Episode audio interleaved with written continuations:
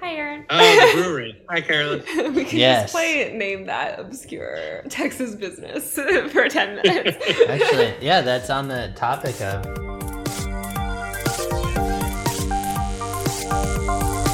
Well, I'm not a crook.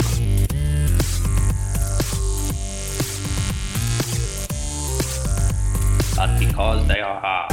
Welcome to Presidential Deathmatch, the only presidential debates that matter. Today's headlines. The call is coming from inside Minnesota Jacobs Broom Brooms Jacobs, and great years in U.S. foreign policy.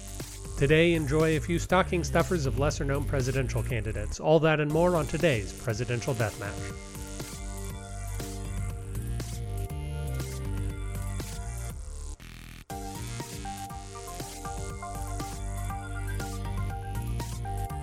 Guys, good to see you. Good to talk with you. You've been gallivanting about the earth, Yes, I believe. Uh, whereabouts? we were in the U.S. Virgin Islands. That's what I thought, but I didn't want to say it and be wrong. yes, we went to all of them. Well, I guess there's a lot of little ones, Mhm. but we went to. It's an archipelago. Yeah, There's a collection. yeah. There's yeah, and then and then there's kind of so there's St. Thomas is where we flew in, and then St. John is just this little one to the side of St. Thomas, and it's uh it's like m- majority of the landmass of St. John is national park.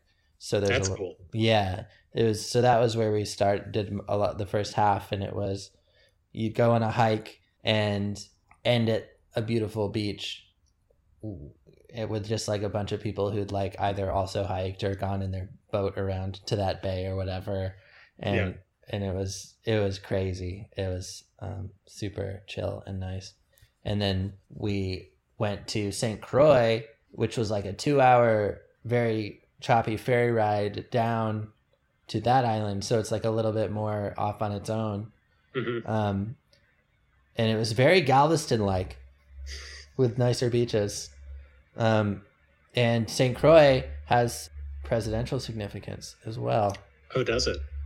Indeed. Have ye any guesses? No. Um, William Taft was uh, birthed out of the earth there. Was that is that the one? The, the land just split open and it squeezed out William Taft. close. Um, I guess it doesn't have presidential significance. It has presidential loser significance. Season three Mm. significance. Also, infamous musical significance. South Pacific? No, it would South Pacific wouldn't have taken place there. What is our presidential loser significance? Hamilton is was a kid there. Oh, Alexander yeah. I mean, he's kind of a. Oh, I see. Yeah. Um, Is he in the musical? Yeah, he he's in Aaron Burr's musical Oh, okay. That makes sense. Yeah, I got you now. because they're enemies and stuff. Yeah, yeah, yeah.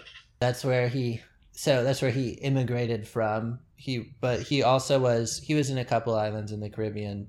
His mom was imprisoned on St. Croix for a bit Mm. because she was married off to a man in St. Croix when she was very young and didn't like him, so he imprisoned her. Well, you know, it's not ours to judge the past, Dennis. Yeah. Uh, but yeah. maybe that wasn't the right choice. Yeah. So she served her sentence and then went to another island and married Mr. Hamilton Mm. and then went back to St. Croix on business with the family. And then her husband left her there and went back to the original island and it, like they broke up. Oof, so then she ended up back on St. Croix with Alexander Hamilton, become friends with like the merchant people's son at that point and he worked for them and got really into writing and everything else and then befriended the He pastor. got out of there Yeah. and he booked it. I think he was Episcopalian or I guess at the time Anglican, Right. but he his uh but there was a Presbyterian church or something like that on Makes the sense. island and the pastor from there sponsored sponsored him liked his Sponsored writing his travel. yeah Dennis, I'm sure that the people listening want to know how humbled you were by Jacob Godby's excellent guest hosting, oh uh, and to what extent your heart swelled with pride and/or fear upon uh, listening to your comparison to Henry Ross Perot. Yes, definitely humbled by Jacob Godby's entertaining um, and excellent work, um, and very enjoyable episode. And uh, many kind words were said about me in that one and in the other one. Although the one with my parents was a little more of a roast, but I, Uh, I had originally wanted to also contact Ty and Craig, but I, I was unable to to make the time on my end to do so. Unfortunately, that's probably for the best. yeah. Uh, Um, I, I had grand plans. Uh, but I had also only budgeted to talk to your parents for 10 minutes or so, and they gave me all I needed. I think we can all agree Alan Nancy Buddy are all anybody needs. they were great. They said thank you so much for having them on. Passed that along. If you would like a Peppermint Peppa Pig update, the, the Peppermint Pig is in its unbroken state still. oh, uh, I am attempting to transport it to Philadelphia, where I hope to slaughter the pig oh, with, with friends in Philadelphia. when's that gonna be? As long as nobody gets grievously ill in between now and Tuesday, it'll be Tuesday. So oh, the, ah. the day before this releases, I think. fun. Yeah. Well, Dennis, I think we can skip retractions because we can all agree that last week's episode is the only one we have nothing to regret on. It was perfect in every way. Ross Perot was very fair. I liked it. I was excited. I was excited by Ross Perot. As often happens with my arguments, I get excited about one aspect and then just shut out every other possible person I could consider. But I think Ross Perot is a good one to explore. Yes, indeed. Fewer clips of Ross Perot online than you might expect. Yeah. I originally hoped to have a lot of clips of Ross Perot play throughout the episode, but but it did not happen. Yeah, that's interesting. Uh, you would think. Dennis, as we're recording this, it is shortly before Christmas. And as we're releasing this, it is shortly after Christmas. And so we, we want to take it a little bit easy this week because we've got a few episodes to record. And so we're just trying to give the audience some some belated stocking stuffers. Yes, indeed. Yes, we, we're just here to talk about. So Dennis and I collected uh, just short of 200 presidential candidates from the 60 presidential elections that the United States has had throughout its history. And we're not going to talk about all of them. This is not going to be a 95 episode season. That would be ludicrous. So so we've never had an intention to cover every single person that we could in season 3 and several of them just aren't really worth bringing up uh, over the course of an entire episode. And so we're here today to just highlight a few people that that are interesting or odd or that you can you can think about throughout your day. Uh, people who have peppered the the history of America with with fun tidbits or interesting thoughts, but uh, but are otherwise uh, inconsequential to the arc of our fair country. Is that fair to say, Dennis? Yes. So we hope to not stay our our welcome too long. We're just going to talk about six friendly faces that have run for president, and and then we'll be on our way with a cheerful a cheerful gait and, and a hop, skip, and a jump. So Dennis, can you tell us about Parley P. Christensen? I can do my best. You know, I always want to find someone from that period of the early 1900s, late 1800s. Uh, we have a kinship with that time. So, Parley Parker Christensen um, was a hilariously named American attorney and politician. This, I the, the reason this caught my eye was that it was the Farmer Labor Party, and I didn't see that turning up anywhere else. Um, Oh, So yeah, so reading about this fellow, he, they, it's because they formed it specifically for this campaign. The Labor Party has oh, put up a can in that in those days was putting up a candidate often. There was also this Committee of Forty Eight, which was a progressive party. So this was, you know, this is the Theodore Roosevelt times and everything, with progressive republicanism, and that's really what uh, Parker Parley P was all about. Let's see the committee of 48 was a liberal situation. So yeah so- liberal situation. yeah so they basically decided that year to combine the labor party and the committee of 48 into the farmer labor party and um, made him the presidential nominee. And yeah as i was reading i was like surprised especially compared to some of the other people i was reading about. He got 265,000 votes in 19 states. So it's not terrible at all. In, in Washington, South Dakota, he actually No. like came close to the Democratic candidate. Like he did quite Which well. would have been So, Wilson. Was he running in 1912? Um, this was in 1920. So okay, James so James Cox. Cox. Yes, the governor of Ohio at the time.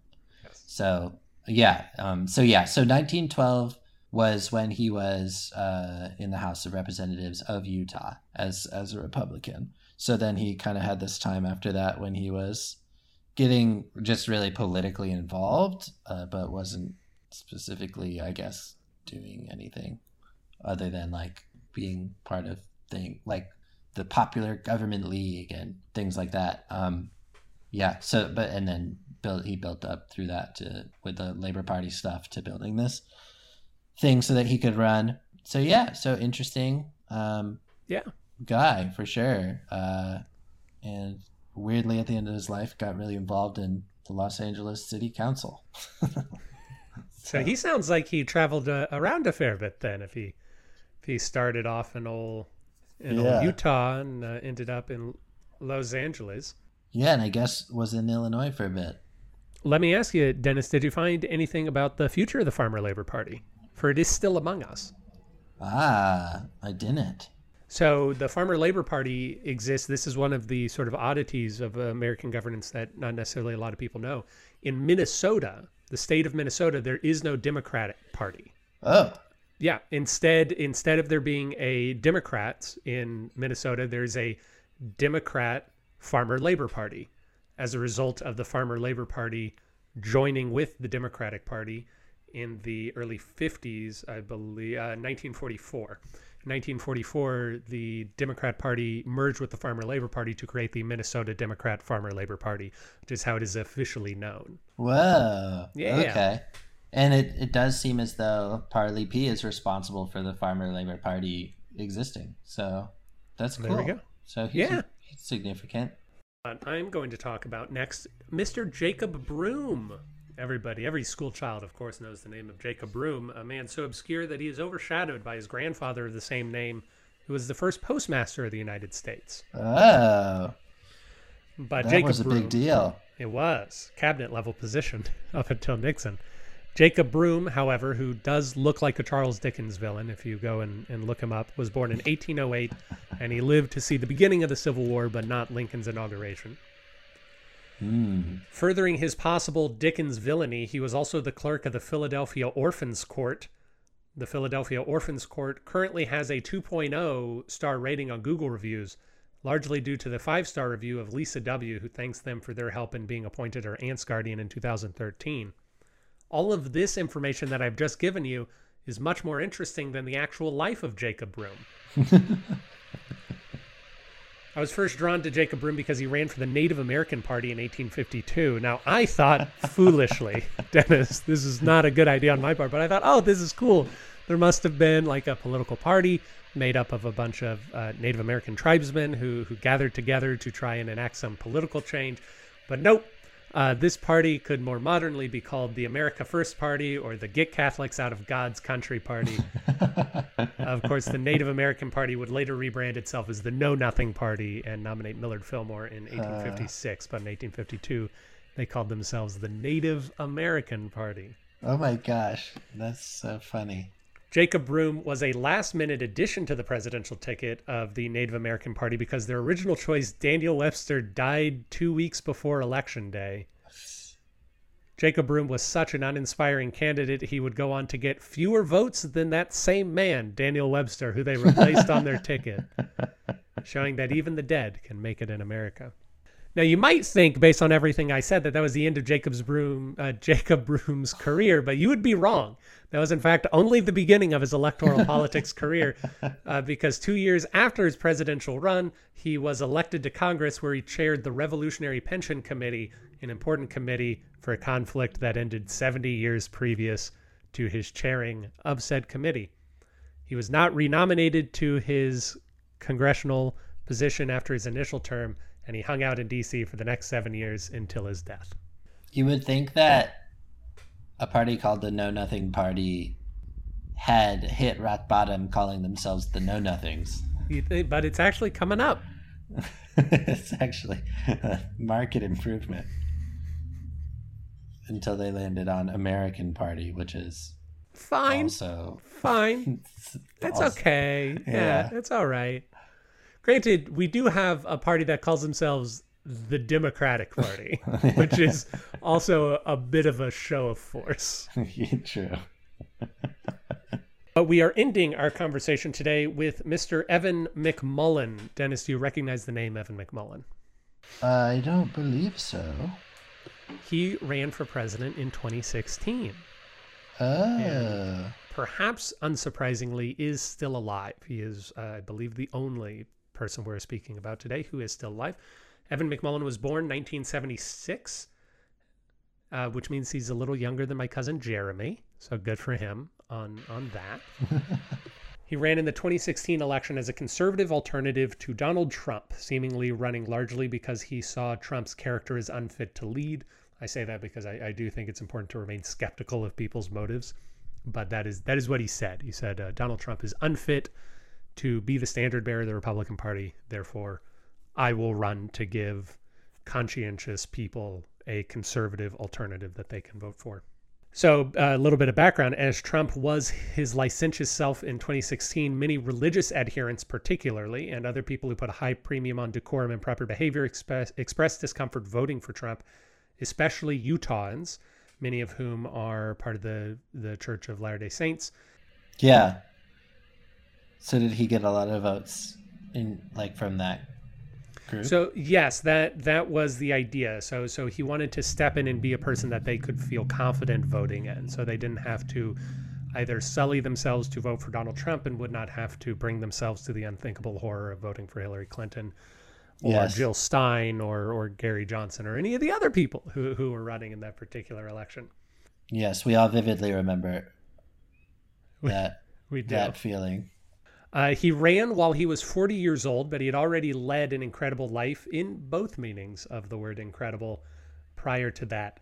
After college, he went to work for the CIA, theoretically becoming an operations officer working undercover in Tehran and other Middle Eastern countries between 2001 and 2010.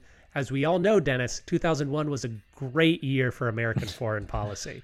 Like, if you wanted to get involved in operations and in intelligence, especially in the Middle East, 2001 is probably a good introductory year to do so. Hmm. This point, Well- I, oh, go ahead. It's a clean slate year for the for that, I guess.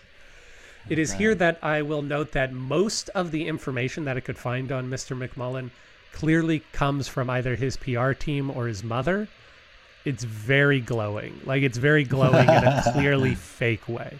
Which isn't to say that the information is wrong, but all of the information is being editorialized to say like, and Evan earned high marks for for his valor uh, in in this operation. So I don't know how much to to trust any part of it. In 2010, he leaves the CIA to join the Wharton School, where he gets a degree in business administration.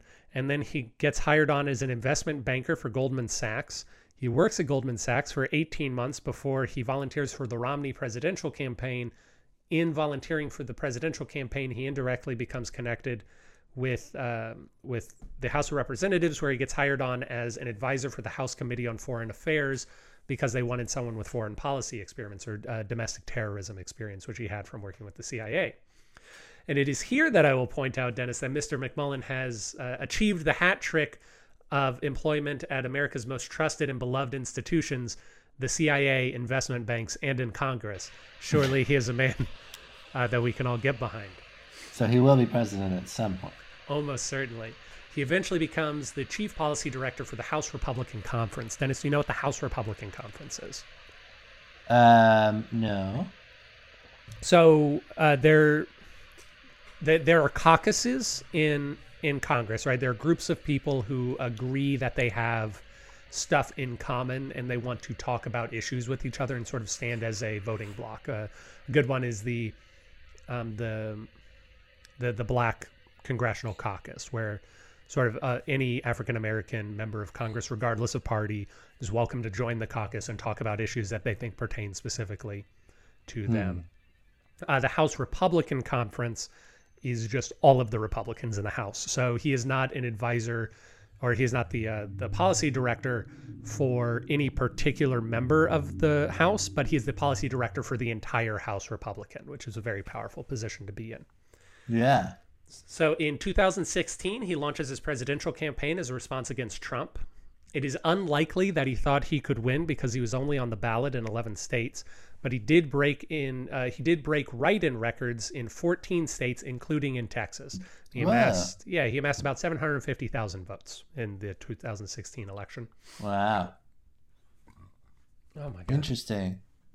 I don't remember him. Uh, he gained 21% of the vote in his native Utah, which was his best state. He came in third. And he got a little over 6% in Idaho, which was his second best state. As you, I'm sure, can already guess, he did not win any states, nor did he win any electoral votes. If he had won any state, he could have theoretically thrown the election to the House of Representatives, where the Republican controlled Congress may have selected him over the eventual outright winner, Donald Trump. So, Uh, presumably, had he won Utah and say Hillary Clinton won Michigan and Wisconsin, which she didn't in, in reality, then nobody would have had the votes necessary to win. The election would have gone to the House, and then the House could have chosen Evan McMullin instead of either Donald Trump or Hillary Clinton to be president. Interesting. And may, and so you think maybe that was what he was thinking. I, I do think that he was just thinking we I, I think what he was thinking is much like everybody else in 2016 hillary clinton's going to win Yeah. donald trump doesn't have a, a chance of winning and i don't want to vote for this guy i don't want anyone to vote for this guy it's not good to so i am going to present an alternative since we know we're going to lose i'm going to present an alternative that that is Yeah. what i think was going through his head Okay. Yeah.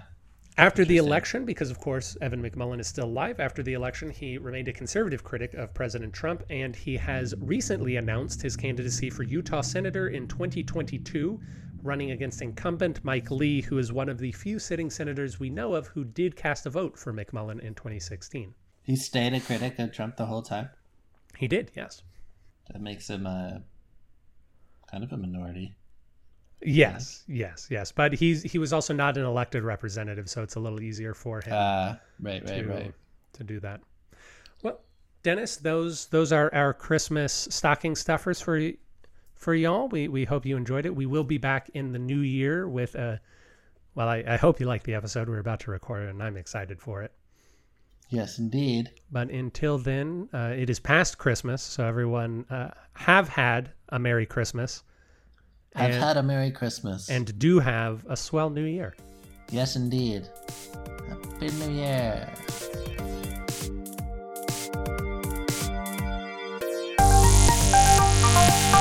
Thank you for listening to Presidential Deathmatch presented by Pronoia Theater. Presidential Deathmatch is hosted by Dennis Buddy and Aaron Garrett. It's edited by Aaron Garrett and it's listened to by you, and we really appreciate you for doing that. If you have the time, we would ask that you rate and review the show wherever it is you can find it. It really helps the show out. If you didn't like us, well, why don't you come back and listen? We really grow on you, don't we? If you want to support the show, you can do so at pronoiatheater.com slash store, paypal.me slash pronoiatheater, or Venmo at pronoia. We really try to keep as many buckets in the ocean for you to give us money as possible. If for whatever reason you have a comment, question, or concern, you can always reach out at contact at pronoiatheater.com, and we'd really like hearing from you. Until then, please come back.